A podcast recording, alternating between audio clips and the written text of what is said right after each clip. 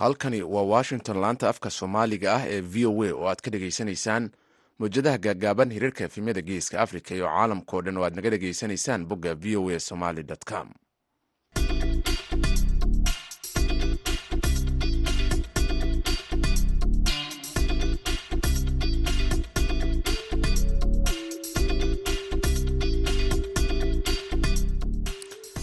duhur wanaagsan dhegaystayaal meel kastoo aad joogtaan. Waa duhurnimo arbacaha bisha noofembarna ay ku beegan tahay lix iyo toban sanadkuna waa laba kun labaiyo labaatan.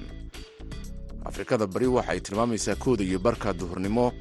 Idaacadda duhurnimo ee barnaamijka dhallinyarada maanta waxaa idinla socodsiinaya anigoo ah jamaal axmed cismaan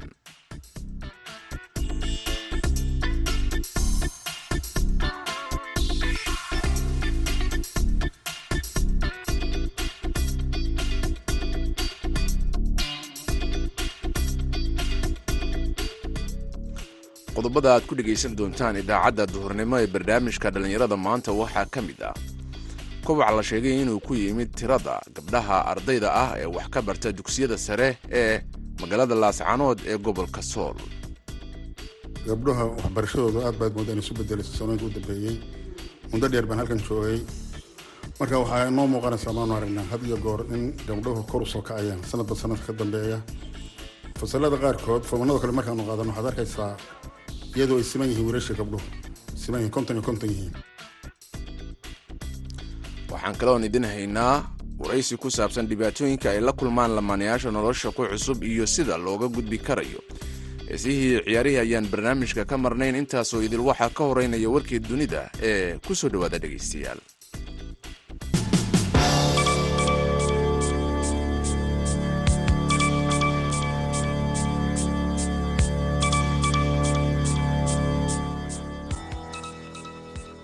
madaxweynihii hore maraykanka donald trump ayaa waxa uu ku dhawaaqay inuu bilaabay tartanka loogu jiro aqalka cad ee sanadka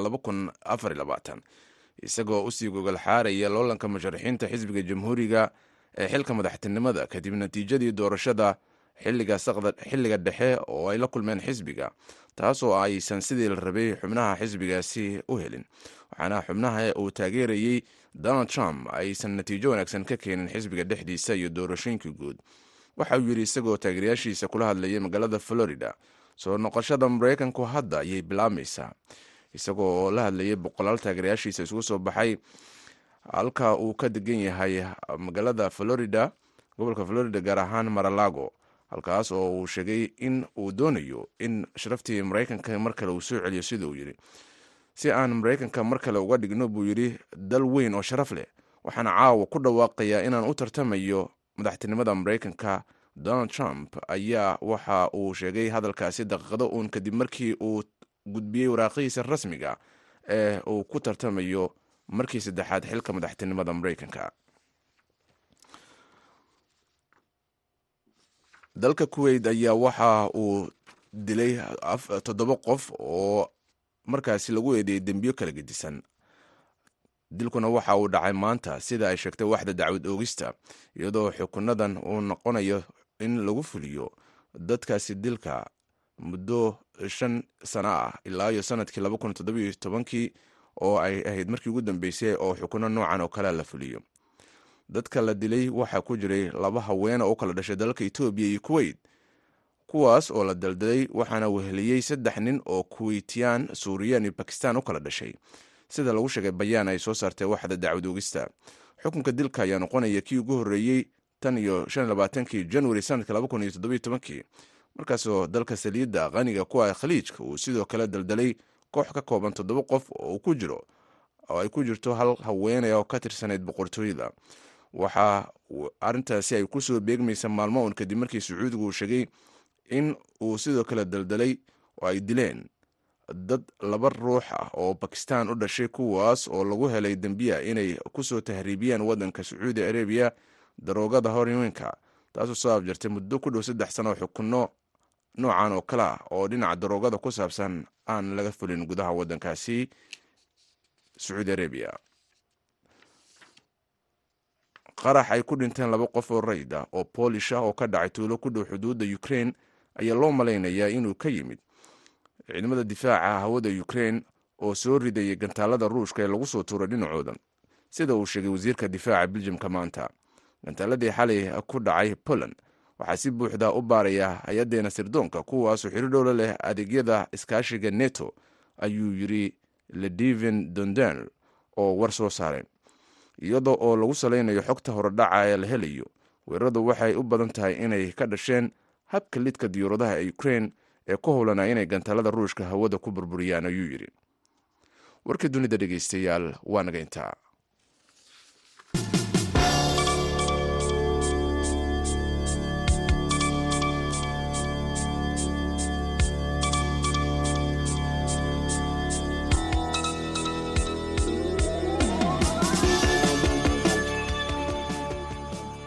duur wanaagsan dhegeystayaal halkaad warkaasi aad ka dhegeysanayseen waa v o a. Aynu gudagalno qodobada idaacadda duhurnimo ee barnaamijka dhallinyarada maanta idinkugu hayo. Dhibaatooyinka isfaham darrada ayay mararka qaar la kulmaan lamaanayaasha nolosha ku cusub waxaana wariyaha v o a ee dalka jabuuti sagal siciid faarax ay dhibaatooyinkaasi lamaanaha la soo dersa ka wareysatay doctor cali xasan jaamac oo la taliyaha lamaanayaasha waxaanu tilmaamay sida ugu fiican in ay tahay in dhinacyadu ay wada hadlaan horta taas waa mabxad dhan weeye oo coupleska. Ama hadda labada qof ee isqaba ee isla nool horta inay arrin fahmaan weeye dhibta ugu weyn halkay ka bilaabantayna waxa weeyaan waa waa isfahan darro communicationka xumaada iyo de xidhiidhka xumaada. Mushkiladu ninkii wuxuu gabadhi ula dhaqmayaa si ay tahay nin sidiisa oo kale ah gabadhiina waxay ninkii ula dhaqmaysaa si gabadh sideedoo kale u yahay. Labadaasna waa laba qalad uu waaweyn. Iminka example ahaan ninkii daalan baa gurigii soo galaya. Ninka dhaqan ahaan markuu daalan yahay wuxuu jecel yahay in laga aamuso la buuqin oo laga garab hadlin yuu jecel yahay. Ilaa iduu istartiibin oo fikirkiisa u tartiibina gurigiiba uu imanayaa xaaskiisii eedna dhibaatootay oo dee ciyaarkii la dhibaatootay oo mashaakilkii guriga iyo jaarkii ayse soo qabsadeen oo iyadna buuxda ha iyo u imanaya iyaday jacaylo iyo kalgacaylo iyo u sheegaysaa oy dee leedahay yani war hebelow intaasoo dhan baad iga maqnayda dhibtaabaa jirto taabaa jirto eg beresharka saaran gabadha waxay ku soo saaraysaa hadal saabay ku nafistaa ninkuna wuxuu jecel yahay inuuna maqalba dhibti horta bal mushkiladii halkan iga soo qabta inaan ka hadala ma jecli iyo ninka ka odhan marka waa qaab fikireedkan kala duwan weyn waxaa inta badan dadka isku ridi marka gabadhiina waatan u arkaysa markuu dhaa hadalka iga daa hee hadduu jecel yahay way dhegaysan lahaa. Ilan gabadhuba way dhegaysan lahayde marka qaladka weyni waa taa.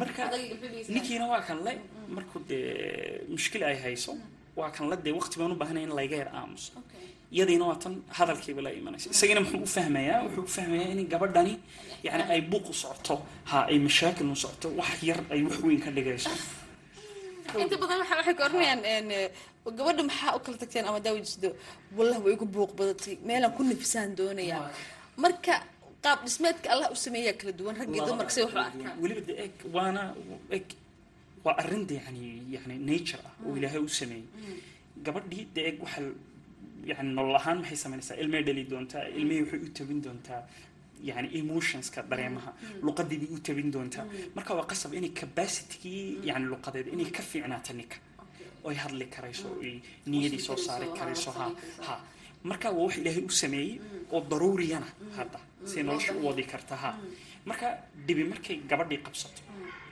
iyadii inay horta dee eg markuu isfahamku wuxuu ka imanaya ugu quruxda badan waxa weye ninkii naagta inay maalin mar wada fadhiistaan niyo bal horta aan is dhegaysanay horte ani markii mushkila igu dhacdo anu waxaan jeclahay walaala inaa laga yar aamuso ninkiinu idhaaho nacayba maaha markaan kuleeyahay hadalkayga yardhaa bas anigoo inaan mushkiladan ka yar nastaan doonaya ad waxaad jeceshay inaad markaad dhibaato kugu dhacda inaad hadayshid soo ma anigu waa cagsiga inaan aamusaan doonaya bas thirty minutes un ac yani heshiis bartamo bal iskula yimaada soddonkaa minute bal u yarkaadi hadhow toole markaan qadeeyo ama aan iska yar nafiso marka wixii aad jecesho dhan iyo wada sheeg. Taasi xaalad badan bay dejinaysaa.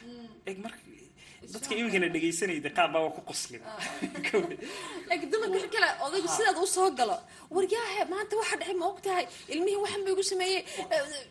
Adigina ma naxaysid ima dhegaysanaysid ima daaba lahayne marka ninkii raggana waxaan ku leeyahay yaanan dhinacun saarin raggana waxaan ku leeyahay ninkuna mid baad ku qaldantihiinoo gabadhii horta fahma. Een, hadalkan ay kugu leedahay iyo iyo problemka saad moodaysid problemna maaha. Adu sheekadan dhan ay adig ku xambaarsiinayso haddiina adig kugu kalsoonayn dee adig kulama hadasheen gabadh haddii ka aamusto horta khalaas way ku nacday ka dhigan tahay gabar hadday markaa aamusto hadday mar aamusto khalaas. War ma jiro. meel adag bay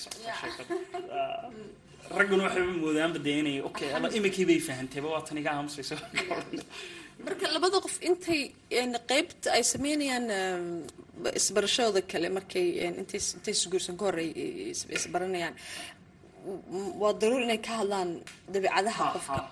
horta eg qeyb muhiima weeye. Horta ilain eg marka u horeysa la wada nool la wada sheekaysanaya macnaha intaan la isguursan dee ninkiina wuxuu tusayaa qeybtii ugu qurux badneyd gabadha gabadhiina waxay tusaysaa qeybtii ugu qurux badneyd oo jacayl iyo waxbaa meeshii yani indhaha qabanaya dadkii oo markaas horta waa arrin wanaagsan oo fatra loo baahan yahay taasi eese inayna iloobin inay ka hadlaan haddii kolley labada qof horta dee mushkila way soo way soo dhexgali karaysa dee waa laba qof oo kala duwan weliba waxaana odhanaaba haddii laba qof oo isqaboona problembe ka dhex dhacayn labada amaase qofaa yacni dhaafisun wada qofun baa iska liqaya un dhibti.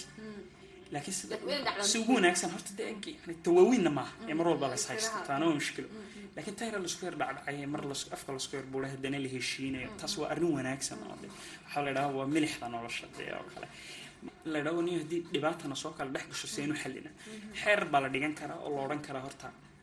Qaylo codka kor u kaca uma baahni. Een, waa ninka iyo xaaskiisaba inay ka heshiiyaan. Anagu umaanu baahnin yani in maalan las ixtiraam aduu ixtiraamkii meel laskagala dhaco ama las caayo ama wax sidaas ah. in labadii qof horta ay yani ninkiina u arko gabadh weeyi. Gabadhiina u aragto waa nin weeyi uu kaa duwan yahay nidaam kale weeyi marka taasi wax badan oo yani mashaakil iman laha ayay ka hortegaysaa de yani waa la isku garaabaya marka dambe. Dumarka xilliyada uurka leeyihiin oo kale ama markay walaca yihiin oo kale in- inta badan way iska caalamka la iskaga ama dareemahooda waxyaaba badan dulqaadka markuu ka yaraado way iska dhib badan yihiin. Raggu laakiin xilliyadaas oo kale ma fahmaan in badan. Marka dumarka waxay ortaan xilligii iigu darnayd hadduu ii dulqaadan waayo ama caawin waaye imaba Goorma caawin? jeclaba ahaa. Marka ragga say ku fahmi karaan in xilliyadaas oo kale eh, eh, see loogu sharxi karaa gabdhuhu waxay u baahan bay bal ininku xisaabiya qof dhan oo calooshiina ku dhex samaysmaya ood sidaysid sagaal bilood wax ciyaara maaha annagu hadduu ilig yarina xanuunaya madax yarna xanuunaya ragga qayladoodaad ka horta wallaahi run ahaan shayga ugu muhiimsan waxa weeye in yani xidhiidhka ugu daruurisan in la barto waxa weeyaan waa xidhiidhka labada qof ee isqaba yani inay dadkii ninkiina waa inuu baadho gabadhi waa inay baadho. Iminka dalalka kale waxaa la maqlaa in labadii qof intiina isguursan horta courses baa loo sameeya courses baa loo sameeya de arrimaha mawaadicdan oo kale laga hadlaya ha. Shaygu qurux badan iminka de diraasooyin iyo wax sidaan de waa weli baanu malayn oo de yani waqti bay u yar baahan tahay laakiin dadka iminka ama dee jadiidka ku aroos ama dad mar hore isqabay amaase dadka iminka sheekaysanaya aroosku diyaarinaya waxaa qurux badan yani in differenceka yani labada labada de yani lab iyo dhidiga u dhexeeya fikir ahaan maaha muuq ahaan hadda. Saa muuq u kala duwannahay fikirkuna u kala duwan yahay iyo halka nolosha laga arkay taana in la daraasayo si fiican. Ninkeena inuu isna baadho gabadhiina yadna inay baadho.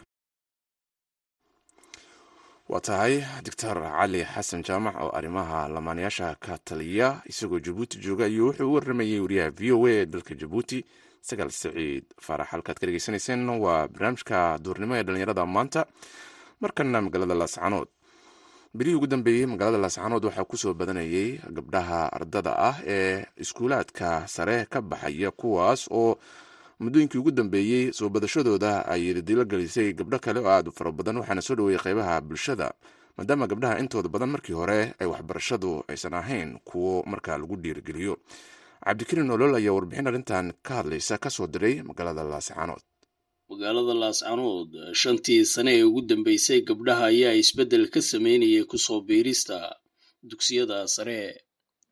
Sannadihii hore ayaa waxay ahaayeen kuwo waxbarashada si weyn ugu hooseeya gaar ahaan ku soo biirista dugsiyada sare ama galaasyada kala duwan ee dugsiga sare.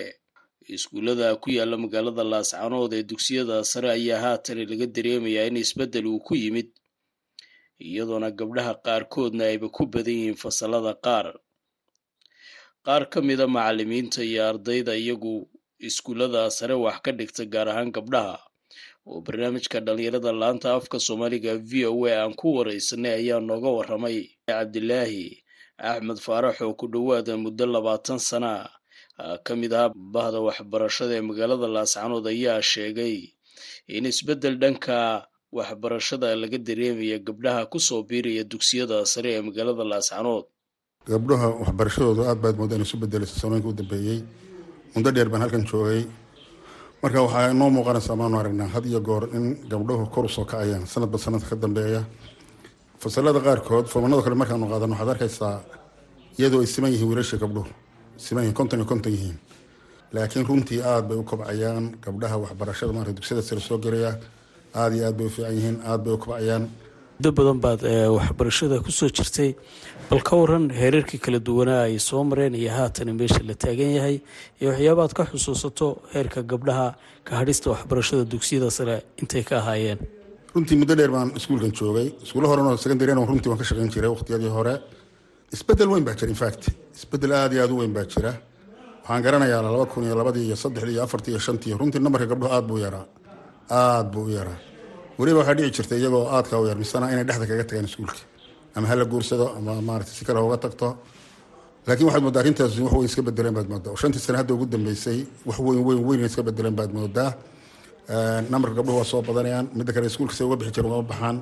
Ilaa ay fonfoor ka baxaan oo maarata saa ku dhammaystaan marka isbeddel weyn baa jira. Shantii sano hadda ugu dambe ama lixdii sano ugu dambeysay isbeddel weyn baa jira. Si fiican ayaa gabdhuhu u kobcayaan maarata waxbarashadooda kor ugu kacaysaa. Nambarka soo gelaya iskuullada aada u fara badan yahay. Kulle iskuulkan aan joogo runtii aada iyo aad baa looga dareemaya isbeddel weyn maarata baa looga dareemaya waxaan garanaya fobanadaanu qaadano ay boqol yihiin.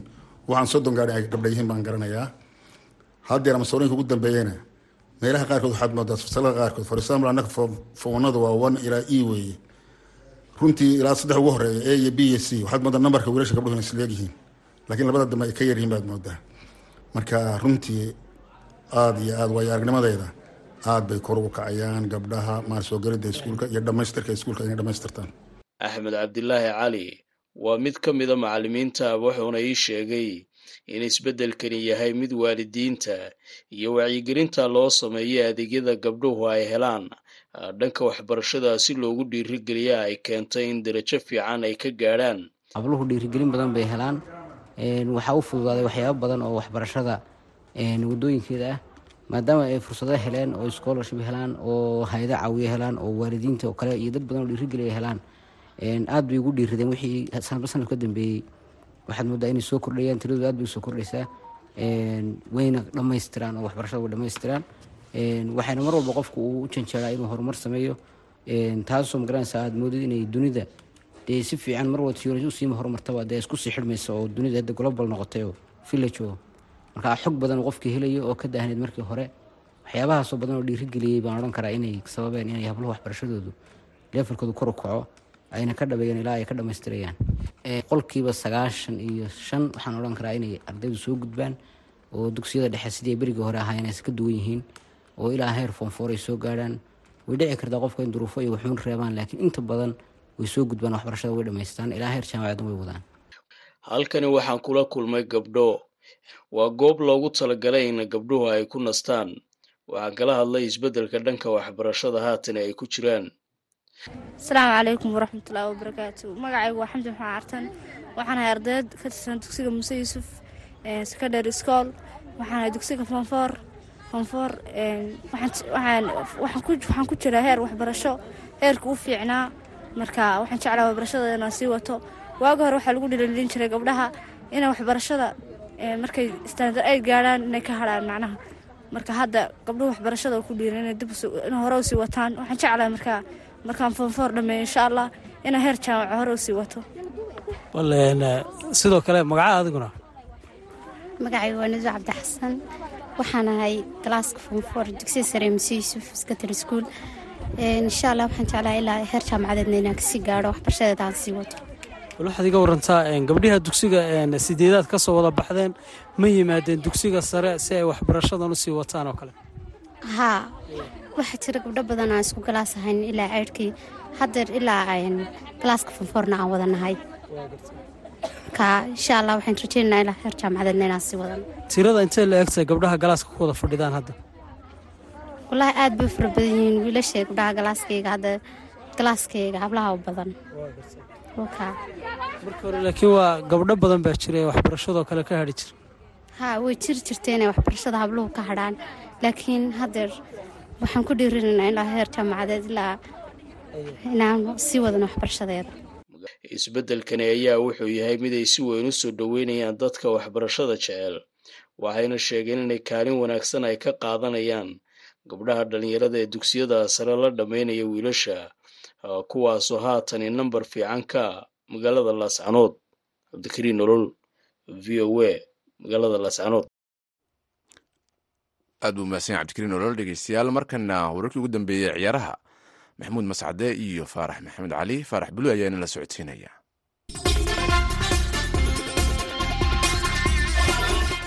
Kulan wanaagsan dhegaystayaal dhammaantiinba kuna soo dhowaada xubinta ciyaaraha. Gebi ahaanba barnaamijkeenna maanta waxaynu ku faaqidaynaa koobka kubadda cagta adduunka oo sanadkan marti loogu yahay waddanka qatar oo koobka lagu qabanayo. Waddamo badan ayaa sanadkan loo saadaalinayaa koobka inay ku guulaysanayaan laakiin gruupka e way ku wada jiraan waddamada qatar ekwador senegal iyo holland ayaa marka ugu horreysa koobkan. Waxaa lagu daafurayaa qaranka martigelinaya oo qatar ah iyo ekwador maalinta axadda ah ayayna labada dan ishirdi doonaan haddaba qatar maadaama koobkan ay martigelinayaan maxaa laga filayaa? Ama kaalin intee la eg ayay koobkan ka gaari karaan? Ma ka soo bixi doonaan gruupka? Kulan ma badin doonaan? Mise waxay noqon doonaan waddan marti loo yahay oo wareega hore ku hara?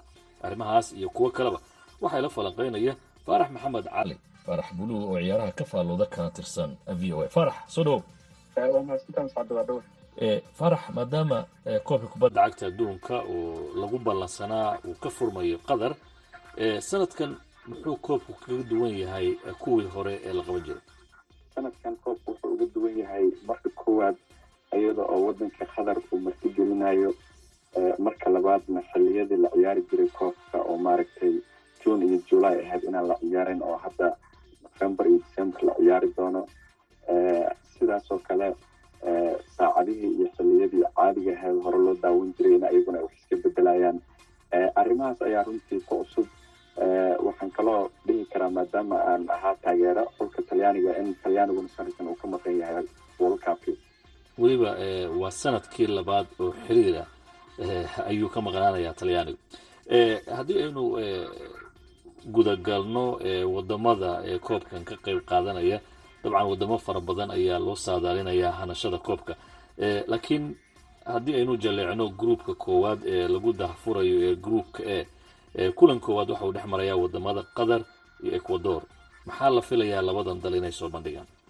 Waa mahadsantaha runtii qatar oo waddanka koobka martigelinayay saan ognahayna shantii bilood oo la soo dhaafay tababaro waaweyn ayay ku qaadanayaan waddanka dibadiisa ecuador sidoo kale waa xul isaguna weyn runtii waxaan is leeyahay markaad fiiri sidoo kale ciyaarihii u dambeeyay oo kale qatar waxay la ciyaartay albania panama iyo honduras saddexdaba way ka badisay halka ecuador ay la ciyaartay ciraaq iyo jaban iyo sacuudi carabiya saddexdana barbardhac ayay la gashay marka waxaan is leeyahay in markaad u fiiri sidoo kale awoodaha labadan xul wax badan inaysan isdheereen waa dhici kartaa laakiin maadaama lagu ciyaarayo waddanka qatar waxaa laga yaabaa in awooddii south korea oo kale ay la yimaadaan waa gartay ma isleedahay marka gruupkan ay ku jiraan way ka soo gudbi karaan gruupka waxaa kula jira holland iyo senegal. Runtiina laba xuloo waaweyn waayo senegal oo kale waxay haysataa horyaalka africa hollandna waa wadan caan oo kubadda cagta caan ku ah gruupkii israreebkana runtii uga soo baxay maaragtay kaalinta koowaad. Saddexda kulin oo u dambeysana saddex wadan oo koobka ka qayb qaadanaya oo ah belgiumka iyo poland iyo welish ayay saddexdii ciyaar oo ay la yeelatay saddexdaba ka soo badisay senegal oo kale saddexdii ciyaar oo u dambeysay. Iran iyo bluvia iyo geni ayay la soo ciyaartay. Iran iyo bluvia way ka soo badisay waana runtii laba xuloo kale waaweyn oo adag. Marka siday u muuqata waxaa laga yaabaa oo la saadaalin karaa in holland iyo senegal groupkan ay ku soo bixi doonaan unless ama ama ama wadanka qatar inuu la yimaado maaragtay awood ciidoodii ah. Waay laakiin dhinaca kale senegal waxaa ka maqan ciyaaryahan sadio mani oo ah nin si weyn kooxdan lafdhabar ugu ah. Waxaana durba la sheegay in kulankaasi koowaad ee holan ay la ciyaarayaan aanu ciyaari doonin. Marka taasoo lama oran karo senegal inay xagal daacisaa laga yaaba waa dhici kartaa awood maaragtay xoog leh oo maaragtay ciyaaryahanka labada adduunyada ugu wanaagsan waa xilligan. Maxaa la yidhahdaa ciyaaryahan aada goolasha u dhaliyo weeraryahan ka tirsan byr munic hore liverpool ugu soo ciyaaray. Waa qasab inay tabayaan xulka senegal. Hase yeeshee haddii senegal ay ciyaartaas maaragtay holland ay la ciyaarayso ay natiijo fiican ka hesho waxaa laga yaabaa inaysan u baahin labada wadan oo kale qatar iyo iyo ecuador waa garta waxaan arkayay maalmahan xulka qatar soomaali aada u badan ayaa sanadkan u muuqda inay qarankaas si gooniya u taageerayaan. Waa maxay xiriirka soomaalida iyo qatar ka dhexeeya keenay in inta badan soomaalidu ay sanadkan qatar u sacabatumayaan waa mahadsan tahay? Waa laba arrimood arrinta ugu muhiimsanaa waxay tahay xulka qatar runtii waxaa u ciyaaraya akram cafiif oo ah wiil asal ahaan soomaali ah ama abhiil oo soomaali ahaa waana markii ugu horreyso qof soomaali xiriir lale ama asal ahaan ka soo jeeda world cup ciyaaro. Runtii ciyaaryahankan waa wiilka xasan cafiif yaxye oo ka tirsanaa xulka qaranka soomaaliya kooxda horseeda soo ciyaaray. Maaragtay markiisii horena ku soo baxay gobolka kismaayo. Weeraryahan aada loo caan u ahaa soomaaliya laga yaqaani ahaa kabacdina ka ciyaaray dalalka kenya iyo tanzania iyo burundi iyo yeman iyo masar iyo sudan marka xiriirka aan la leenahay wadanka qatar sanadkan halkaas ayuu ka imaanayaa marka dhinaca kale u fiirisina ciyaaryahankan runtii waa ciyaaryahan markaas sannadkii labada kun iyo sagaal iyo tobanka kole ay qatar qaaday koobka asia wuxuu noqday ciyaaryahanka ugu fiicnaaya la guddoonsiiyey labada kun iyo sagaal iyo tobankii wuxuuna noqday ciyaaryahanka dhiibay toban gool horyaalkaas ama ama ciyaarahaas asia mar kasta oo la qabto ciyaaryahankii ugu asistiga badnaa ayuu noqday. Marka xiriirkaas waa kaas xiriirka kalena qatar waa wadan runtii dadka soomaalida saaxiib la ah markastoo dhibaata ama waxay la kulmaana maaragtay gacan qabataa waana wadan muslim markii ugu horreysa wadan muslimna koobka lagu qabanayo. Farax aad baad umahadsan tahay habeen dambena haddii alla idmo waxaynu falanqayn doonaa gruupka b oo dabcan marka ciyaarta kubadda cagta laga yimaado. Dhinacana ay siyaasaddu kaga maran tahay iiraan iyo maraykanka iyo ingiriiska iyo wales oo gruub ku wada jira. Farax aad baad umahadsan tahay. Dhegeystayaal xubinta ciyaarahan inta ayaan ku soo gabagabeynaya tan kulan dambe. Waa mascadooda ku dhaafiya sida ay nabadgelyo markana dhinaca heesaha bal daqadaha ka haray nala dhegaysta